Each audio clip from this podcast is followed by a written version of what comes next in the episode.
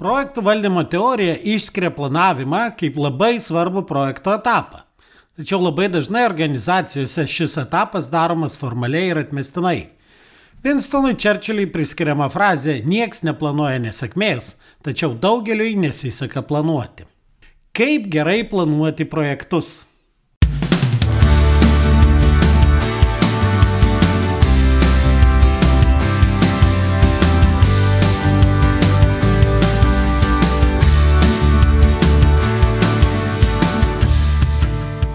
Sveiki, jūs klausotės podkasto Nuo amato prie verslo, kuriame tikima, kad verslas turi būti pajamų, pasiekimų ir pasitenkinimo šaltinis, o ne tik kelti stresą ir deginti laiką. Su jumis aš, šios laidos autorius ir vedėjas, verslo konsultantas, treneris ir efektyvumo fanatas Nerius Esinavičius. Jūs klausotės 18 tinklalaidės epizodo. Praėjusiame epizode pradėjome kalbėti apie projektų valdymą ir šiandien šią temą pratesime. Primenu, jeigu turite klausimų apie projektus, jų valdymą, siūskite tuos klausimus man elektroniniu paštu nerius eta amver lt. Nerius eta amver amatasverslas.lt. Taip pat kviečiu registruotis į webinarus projektų valdymo tema Ir daugiau informacijos apie tai galite rasti www.amverklubas.lt pakrypęs brūkšnys projektai. Pokalbį apie projektų planavimą pradėsiu nuo keletos labai žymių projektų istorijų. Aš manau, kad daugelis esate matę įspūdingai atrodančios Sidnėjaus operos nuotrauką ar paveikslą.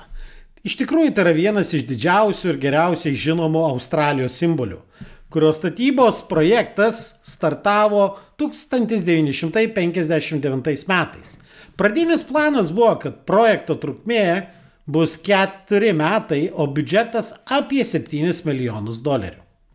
Tačiau projektas užtruko iki 1973 metų ir kainavo virš 100 milijonų. Nepaisant beveik keturis kartus ilgiau trukusio projekto ir dešimteriopai išaugusio projekto biudžeto, po atidarimo, kuriame dalyvavo ir jos didenybė karalienė Elžbieta, paaiškėjo, kad teatro akustika visiškai yra netinkama ir reikėjo dar papildomai investuoti tam, kad pritaikyti teatro akustiką, kad operos galėtų skambėti normaliai. Žinoma, galima sakyti, kad tai buvo tikrai neįlynis projektas, niekada toks nebuvo statytas ir dėl to buvo neįmanoma numatyti įvairiausių dalykų, todėl projektas ir kainavo daug brangiau negu pradžioj planuota ir užtruko daug ilgiau negu planuota. Bet pasižiūrėkime į kitą projektą. Empire State Building Vienas žymiausių New Yorko pastatų yra 443 m aukščio. Pastatas buvo pastatytas 1931 metais New York'e ir tuo metu buvo laikomas aukščiausių pastatų pasaulyje ir tokių išbuvo iki 1970 metų, kai jį pralenkė pasaulio prekybos centras tam pačiam New York'e.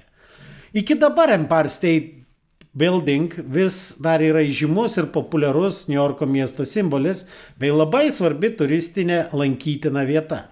Tačiau įdomiausia tai, kad šito pastato statyba užtruko tiek, kiek buvo planuota ir neviršio pradinio biudžeto. Pastatas buvo pastatytas per 410 dienų nuo 1900 30 metų kovo mėnesio 17 dienos iki 1931 metų gegužės 1 dienos, kada ir buvo šito pastato atidarimas. Statant tokį pastatą, patį aukščiausią pastatą pasaulyje, iki to irgi nebuvo tokio pastato pastatyta. Todėl jisai irgi galėjo ryškiai vėluoti, viršyti biudžetus, Tačiau skirtingai nuo Sidnėjaus operos, Empire State Building projektas laikomas sėkme ir pavyzdiniu projektu, kaip galima padaryti labai sudėtingą projektą, neviršiant biudžeto ir neatsiliekant nuo grafiko. Ir esminis šių projektų skirtumas yra tai, kaip tie projektai buvo planuojami. Beje, mano klausimas klausytojams, kaip Jūs manot, kada projektas pradeda vėluoti? Atsakymas į šitą klausimą labai paprastas. Projektas pradeda vėluoti ir vėluoja tada, kai pasibaigia projektui suplanuotas laikas. Kodėl tai nutinka, priežasčių gali būti daug. Bet iš tikrųjų, projektas pavėluoja tik vienu atveju, kai pasibaigia projektui suplanuotas laikas. Ir projekto vėlavimo priežastys iš tikrųjų nėra labai sudėtingos. Arba mes turime blogą planą, arba mes tiesiog blogai įgyvendiname. Projekto planavimas tai yra sistemingos pastangos identifikuoti projekto tikslų pasiekimui reikalingus metodus, išteklius, veiksmus. Būtent planavimo proceso metu nustatoma, kas, ką, kada, kokia seka ir kaip atliks projekte. Mes turime nepamiršti, kad planavimo tikslas yra susikurti įrankį, kuris padės sumažinti neapibrieštumo poveikį projekto eigai. Visgi daugelis organizacijų labai nenoriai atlieka projekto planavimą. Kodėl? Atsakymą į šitą klausimą labai gražiai suformulavo žymus britanų pramonininkas seras Jonas Harvey Jonas. Planavimas yra nenatūralus procesas. Yra daug smagiau veikti kažką. Ir maloniausias neplanavimo privalumas yra tame, kad problemos ištinka netikėtai, o ne po nerimo ir depresijų periodo. Visgi sudaryti projekto planą yra būtina. Ir projekto planas tai yra aprašymas, kaip pasieksime projekto tikslus. Taip pat tai yra formalus projekto dokumentas, ar dažniausiai netgi dokumentų rinkinys. Ta rinkinį sudaro projektų vadovas kartu su projekto savininku, kartu su suinteresuotais asmenimis bei projekto komanda. Projekto planavimas prasideda nuo projekto apimties dokumento sudarimo. Tai yra pirmiausiai mes turime aiškiai suprasti, koks turi būti pasiektas projekto rezultatas. Jeigu mes nežinom, ką projekto pabaigoje norime turėti, kaip mes galime gerai susiplanuoti reikiamus veiksmus to rezultato pasiekimui. Apimties dokumentas tai konkrečių, apčiuopiamų bei išmatuojamų rezultatų nustatymas. Toks dokumentas leidžia išvengti bėdų, kurias minėjome kalbėdami apie niekada nesibaigiantį būto remontą. Kadangi geras planas turi užtikrinti sprendimo pasiekimą, taip pat turi užtikrinti, kad mes kuo greičiau galėtume užbaigti projektą. Todėl labai svarbu, kad mes sudarinėdami planą identifikuotume visas, ar bent jau didžiąją dalį reikalingų užduočių, kurios turi būti padarytos projekto metu. Taip pat labai svarbu identifikuoti ne tik visas reikalingas užduotis, bet ir nustatyti tų užduočių tarpusavio priklausomybės. Nežinodami užduočių sekos mes negalėsime užtikrinti, kad tos užduotys vyksta be pertraukų. Netgi kalbant apie būto remontą, prieš dažant sienas mes turime prieš tai jas nušpakliuoti. Ir jeigu mes sudarinėdami projekto planą neidentifikuosime tų užduočių tarpusavio priklausomybių, tikrai projekto eigoje pas mus nutiks daug netikėtumų ir projektas užtruks daug ilgiau negu planuota ir gali netgi kainuoti daug daugiau negu planuota. Taip pat projekte gali nutikti įvairios rizikos. Dėl to sudarinėdami projektų planą mes būtinai turime identifikuoti tas galimas rizikas ir į planą įsitraukti riziką mažinančias užduotis. Taip pat nusistatyti realistinės užduočių trukmes, identifikuoti reikalingus resursus ir tada jau galime pasiskaičiuoti projekto grafiką bei tikėtiną projekto biudžetą. Taigi mes jau aptarėm tris projekto plano dokumentus arba projekto plano dalis. Tai yra projekto apimties dokumentas, kuris nusako, ką mes norime pasiekti šio projekto pabaigoj. Taip pat projekto planą, grafiką, kuriame mes identifikuojame, ką padarysime, kokia seka padarysime, kiek tai užtruks ir iš to, įvertindami reikalingus resursus, mes galime pasidaryti projekto biudžetą. Tačiau prie šitų trijų dokumentų mums būtinai reikia turėti dar du projekto plano elementus. Labai svarbus projekto plano elementas yra rizikos valdymo planas. Rizikos ignoravimas yra viena iš dažnų priežasčių, dėl ko projektai ryškiai viršė biudžetus ir užtrunka daug ilgiau negu planuota.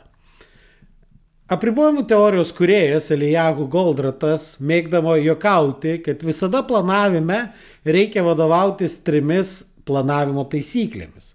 Pirma taisyklė buvo būk paranoiškas. Antra taisyklė - būk paranoiškas. Bet trečia taisyklė - nebūk isteriškas. Mes turime saugotis galimų netikėtų įvykių, todėl rizikos valdymas yra būtina projekto plano dalis. Kas tai yra rizika?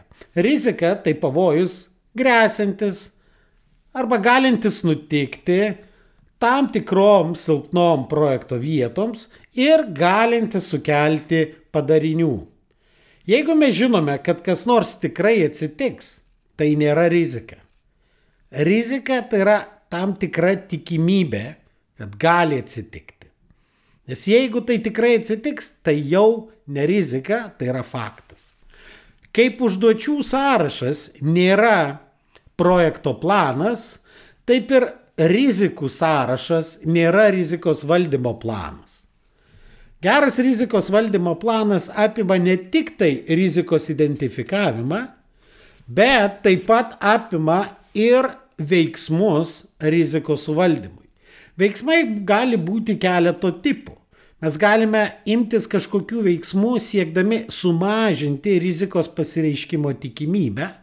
Kaip pavyzdžiui, jeigu mes užsiemame statybiniais darbais ir viena iš galimų rizikų, kad gali būti neigiamos temperatūros lauke. Tai rizikos mažinimas reiškia perplanuot darbus taip, kad visi darbai vyktų vasarą.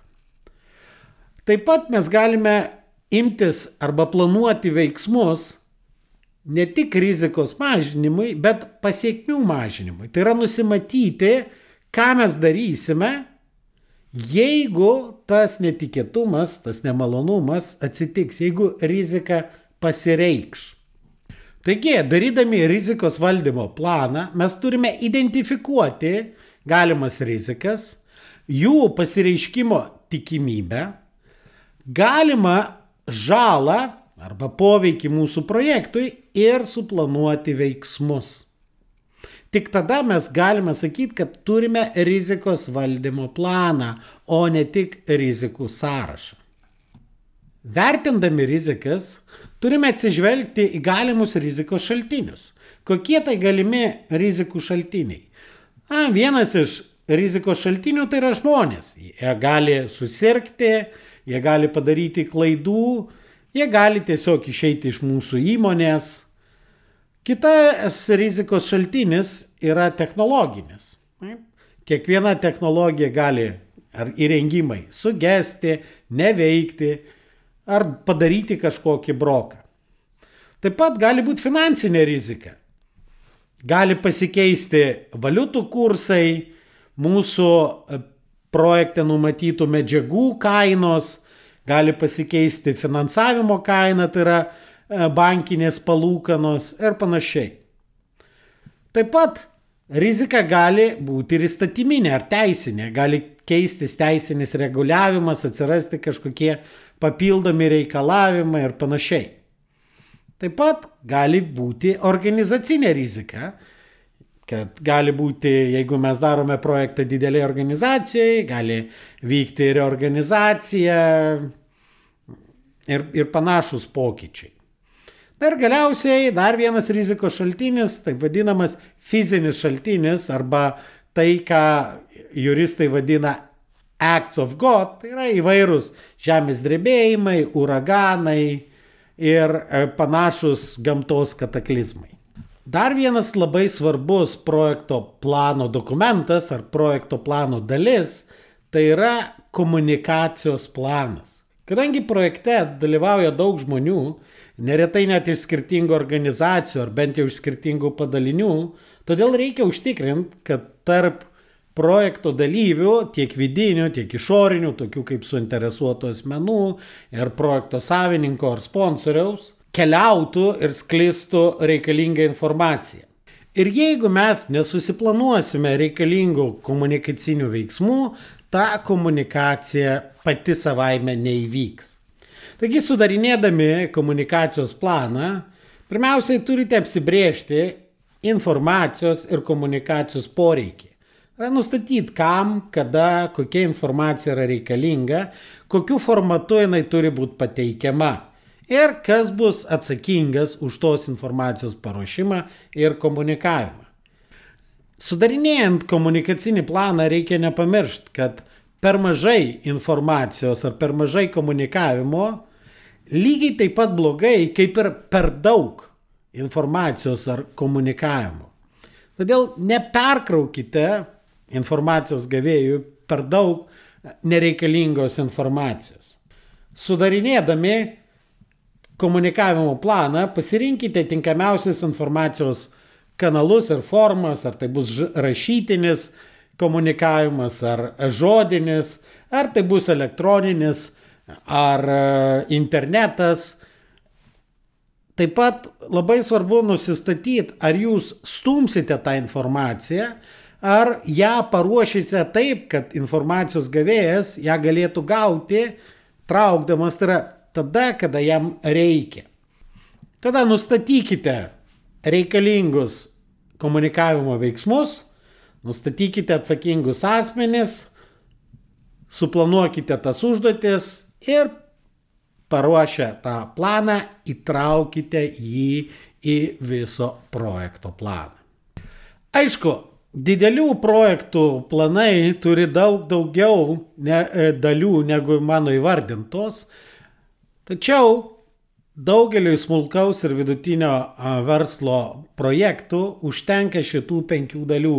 Tai yra apimties dokumentas, darbų grafikas, skaitant tam tikras tarpinės datas, su užduočių seka ir tarpusavio priklausomybėmis, projekto biudžetas, rizikos valdymo planas ir komunikacinis planas. Į projekto planą taip pat gali būti įtraukti ir apimties valdymo planas, kaštų valdymo planas, tiekėjų valdymo planas, pirkimų darimo planas, kakybės valdymo planas ir kiti įvairūs dokumentai, bet jie jau aktualūs tada, kai mūsų projekto apimtis yra tikrai labai didelė. Taigi, turėdami gerą projekto planą, galime pradėti projekto vykdymą ir užtikrinti kontrolę. Jeigu jūs neturite gero projekto plano, jūs negalėsite užtikrinti gero projekto vykdymo ir geros kontrolės. Jeigu norite detaliau sužinoti apie projektų planavimą, kviečiu į projektų valdymo kursus, kurie vyks gegužės 23 dieną Vilniuje. Daugiau informacijos galite rasti tinklapyje www.toc.lt pakrypęs brūkšnys mokymai arba peržiūrėdami nemokamą webinarą adresu amverklubas.lt pakrypęs brūkšnys projektai. Na, o šiandien tiek ir iki kitos laidos, kurioje kalbėsime apie tai, kokios klaidos atsitinka įgyvendinant projektus. Dėkoju, kad klausėtės. Ir nepamirškite užsiprenumeruoti šį podcastą, kad visuomet gautumėte informaciją apie naujausias laidas.